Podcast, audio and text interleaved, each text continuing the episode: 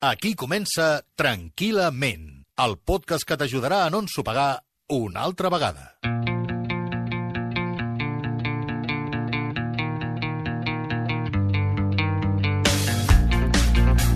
Bon dia, bona tarda, bona nit. Són les 5 de la tarda, hora de plegar. El cap de la Júlia s'apropa a la seva taula quan ella ja estava tancant el Windows i li diu «M'has de preparar la reunió de demà. Ho havia de fer el Pere, però és que, escolta, noia, no, no pot. Per demà a les 9, eh?» I marxa. La Júlia sap que aquest encàrrec és injust.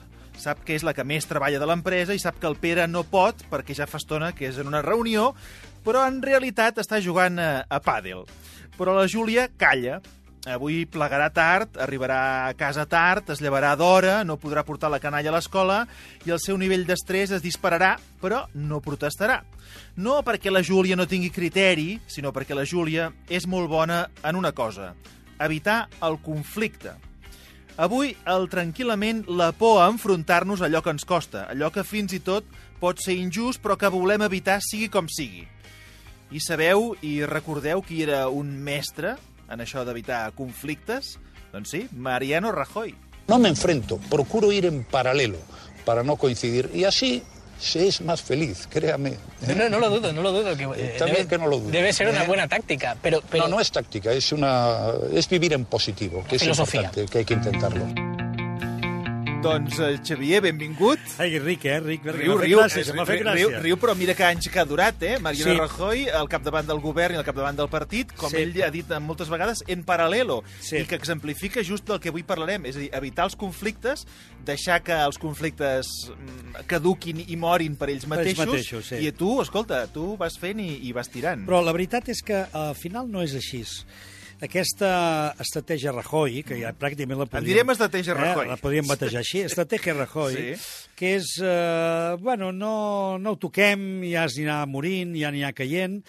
Eh, mira, mm, en certs aspectes pot ser que funcioni, no dic que no, perquè és evident que si no hi ha dos que es barallen i un no vol, doncs no hi ha res a fer.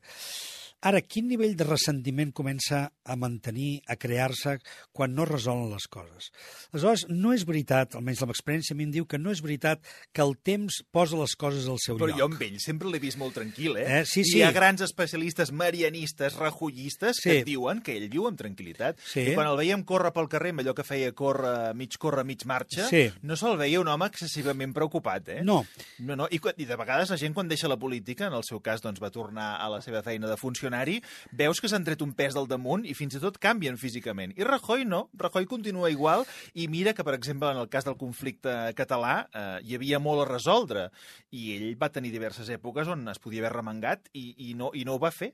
I, Sí, però en mira, paral·lelo i va deixar que el problema, eh, bueno, és això, es anés podrint, podrint, morint, morint i ja s'ho faran, o ja ho resoldrà algú altre. Sí, però, repeteixo, aquesta és una estratègia que amb algunes coses pot donar resultat, en aparença, i en un primer moment. Ja. Sí, m'ho estalvio. Bueno, ja s'arreglarà. Mira, si no ho toquem, ja se n'oblidaran. Home, el ja s'arreglaran és un clàssic català. Exacte, eh? Escolta'm, ja s'ho faran. Ja s'ho faran. Mira, les eleccions de Madrid, mira el que ha sortit, i ja s'espavilaran, ja s'ho faran. Ja s'ho jo faran. no tinc res a veure. I aleshores què passa? En un món on tot està interconnectat, en un món on tot afecta tot, en un món en el que eh, les coses eh, no, no, no, no cauen sobre un no-res, sinó cauen sobre coses que ja existeixen, sempre hi han conseqüències. Aleshores, una cosa és dir, mira, les conseqüències immediates, si no, si no em bellugo, no hi han conseqüències immediates. No, segur que no però no és veritat que el temps ho cura tot i que ho deixa tot al seu lloc. Jo crec que el temps... Ostres, ara has tocat un, una Claro. pedra, la pedra filosofal, Claro, eh? el temps- No és veritat que el temps ho cura tot? No, el temps el que fa és situar les coses en un altre lloc. No en el lloc bo. El temps canvia les coses. El temps canvia les, Les coses de lloc. de lloc. I aleshores allò que tenia una importància X en un moment donat, en un altre té una altra importància X, que pot ser menor o pot ser encara molt més gran. Però no és la majoria de casos menor. Exacte. Amb el pas del Amb temps, el pas amb del temps. I, per tant, no vol dir que desaparegui, que el temps ja ho arregla i ho cura. Perquè si fos així, el temps de l'adult seria no tenir conflictes. Ja. Per què? Perquè voldria dir que tot el que porta de passat en si mateix ja s'hauria diluït. O sigui que el temps és com un trilero d'aquells que hi havia a la Rambla fa un temps, que et posa la boleta en una capseta, te la va movent i tu el que passa és que ja no recordes molt bé on està la, la boleta, ni la capseta, ni res. Però hi és encara, eh? I a més a més... Però no saps on és. I te la fotran. És a dir que... Per què? Perquè de tot aprenem, sigui per bé o per mal, però aprenem. I, i, i aprenem a repetir. És a dir, un cop hem après, repetim i repetim i repetim. Per tant, hem d'estar en una actitud la qual siguem capaços d'entendre què ens demana i les conseqüències que té en aquest moment resoldre o no resoldre les coses. Escolta'm, la Júlia hauria d'haver plegat. És a dir, la Júlia estava plegant. Però la Júlia sabia que aquella feina l'havia de fer el Pere, que estava en una reunió, però estava fent una reunió de pàdel, que és una cosa que es fa molt ara, reunió de pàdel, però jugues a pàdel perquè no et pots reunir i jugar a pàdel a la vegada, i la Júlia entoma aquesta situació i Sí. sap que li portarà un munt de conseqüències. Deia jo, arribarà tard a casa, no podrà portar la canalla a l'escola, eh, a les 3 es dispararà, però ella fa una cosa que considera bé en aquell moment, que és jo no m'hi vull enfrontar. És a dir, prefereixo, és millor menjar-me tot això que no pas enfrontar-me amb el meu cap i dir-li què passa aquí? És Sí. injusta aquesta situació. No, sí, sí, clar, però, però evidentment, fixa't que les conseqüències que té per la Júlia fer-se càrrec d'això, que és, d'acord, jo no entro en conflicte Sí. amb tu, Mm. però entro en conflicte amb mi. Però amb tu no. Però amb mi sí. Però amb mi m'ho faig i ho desfaig no, jo mateix. No, no, no ho fas, ho desfas, no. La mala estona que passa a la Júlia. El mal de cap que ha de, que ha de passar. El mal de ventre que però, té el pas, per... però el passes amb tu mateix, no el passes enfrontat amb l'altre. Però és igual, perquè... Si jo el- tinc un problema amb tu, Sí. m'estalvio el fet de discutir-lo amb tu i d'enfrontar-me amb tu. Si llavors això em provoca mal d'estómac, doncs mira, ja me'l passaré com pugui, però almenys no, Mira, no tinc un conflicte amb tu. si en fos- paral·lelo, en paral·lelo. Clar, si fos així, si fos així, la conseqüència immediata seria ja està.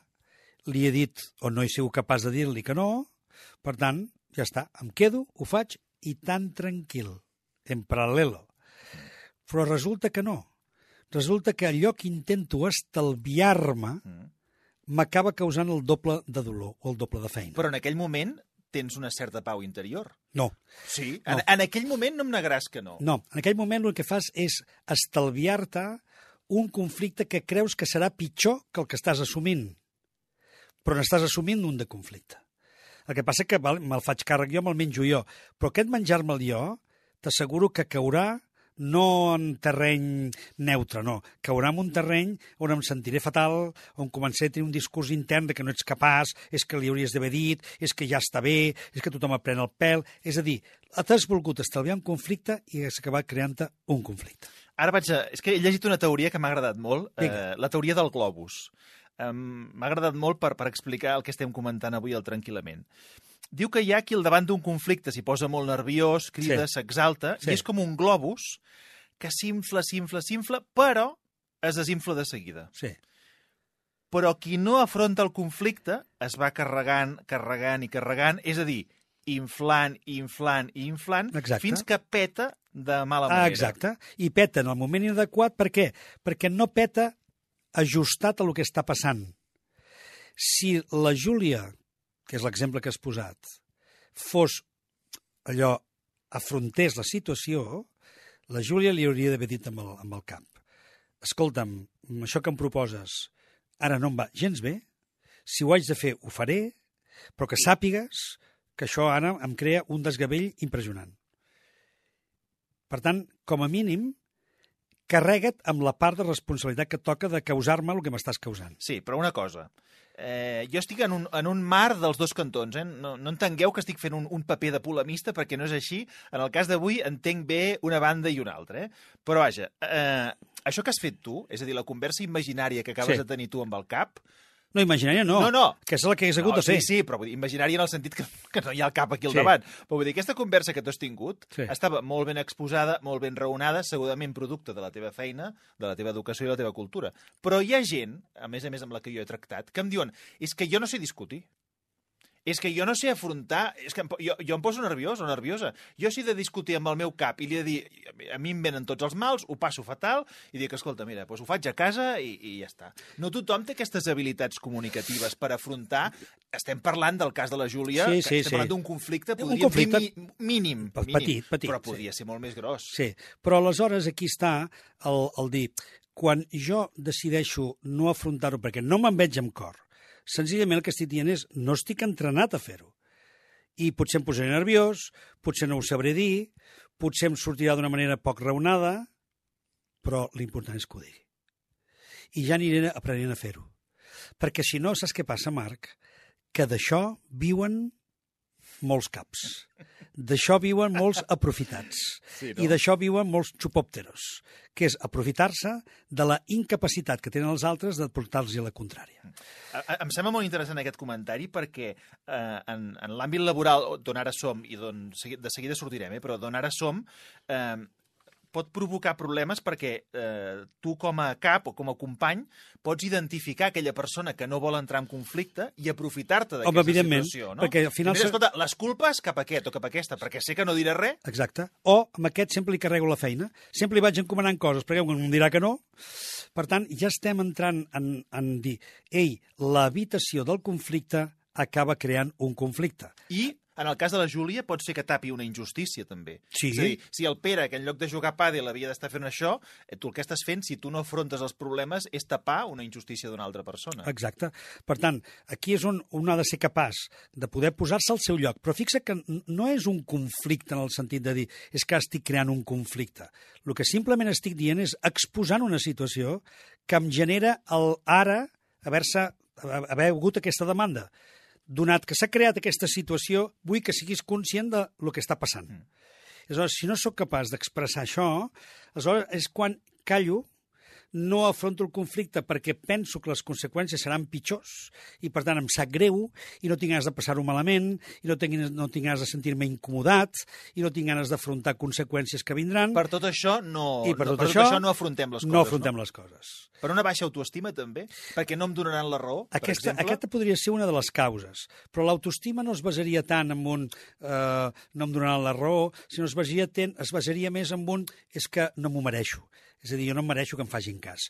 Jo no, no sóc ningú perquè m'atenguin. És que qui sóc jo perquè aixecar la veu? Qui sóc jo? Home, pots, ets una persona, una persona com qualsevol altra, que es troba davant d'una situació com qualsevol altra i que l'ha de resoldre com qualsevol altra. Però si hi agafo aquesta conducta, que és el que acostuma a passar, no, no, no, no, no, no, no, no, no, i molta gent ho diu, no tolero, no puc amb el conflicte.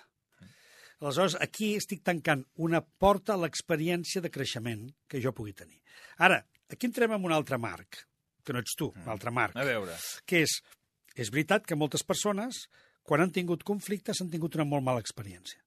Per què? Perquè l'altre, potser la persona opositora, ha aixecat la veu, ha cridat, ha estat desmesurat, ha amenaçat... Oh, i tant, per això. s'ha creat una situació d'una tensió tal que eh, eh, t'has pensat que passaria fins i tot has temut, no per la teva vida, però has temut que passés alguna cosa. I, per tant, s'ha convertit en una experiència desagradable. I una experiència desagradable genera una ansietat, i aquesta Exacte. ansietat no la volem tornar a viure. exacte. És, és, això. lògic, és, que és, això. lògic. I, per tant, es va consolidant una estratègia de això no ho vull. Per què? Perquè sé que em causarà una mala I experiència. aquí què fem, doncs? Doncs saber que me'n causarà una altra. Tota l'estona estem dient el mateix. El que estalvio per una banda, m'ho guanyo per una altra. Per tant, una de dues, si decideixo no afrontar el conflicte, aleshores decideixo del tot, que vull dir, ja no me'n faig càrrec. Per tant, ho deixo estar. ho oblido. Ho oblido. Ho oblido completament. Aquí, ara m'has fet una passada de, de, de, de pilota que centraré al, al gol, perquè hi ha un perfil que m'ha fet sempre molta gràcia, que suposo que els que ens escolteu també reconeixereu, que és una persona que evita el conflicte i ho porta bé, que jo en dic el fresc. Hi ha persones que això que dius, que el conflicte acaba tornant, hosti, és que ho porten bé. I, i li dic el fresc perquè ens entenguem, eh?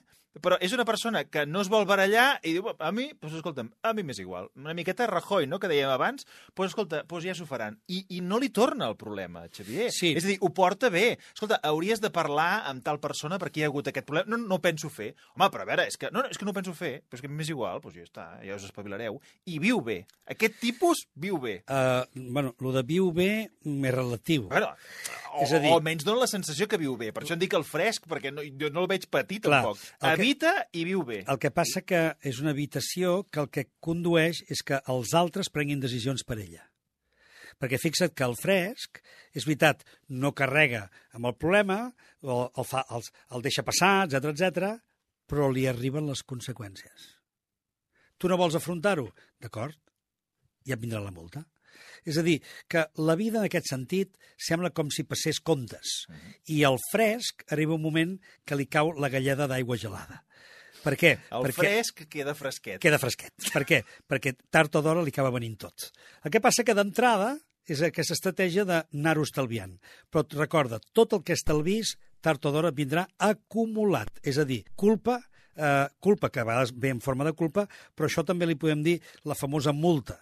Multa amb recàrrec.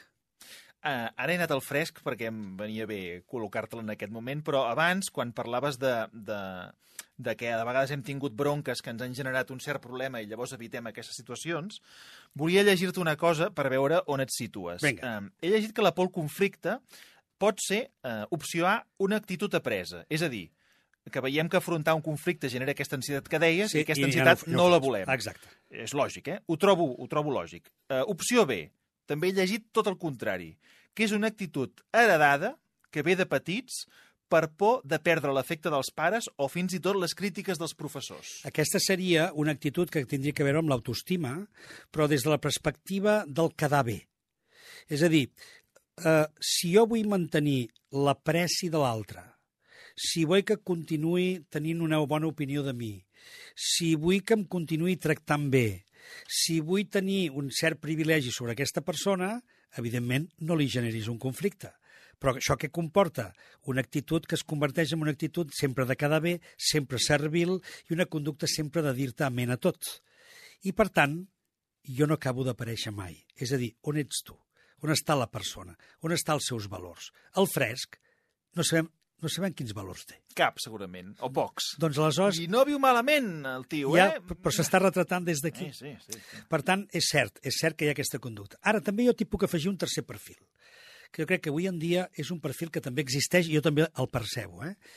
I és que hi ha moltes persones que avui en dia tenen una sensibilitat. Fixa que ja no és un problema d'hàbit, de, eh, de coses que els hi han passat, ni tampoc és per quedar bé o quedar malament, sinó que la seva sensibilitat no suporta les situacions de tensió. I saps què passa, Marc? Que venim d'una època llarga, molt llarga, en què sembla, i encara ho sentim a les tertúlies radiofòniques, que la cridòria, la tensió, el voler tenir raó, el manifestar-se amb una contundència, etc, sembla que sigui normal, i que, a més a més, qui més crida, més raó té.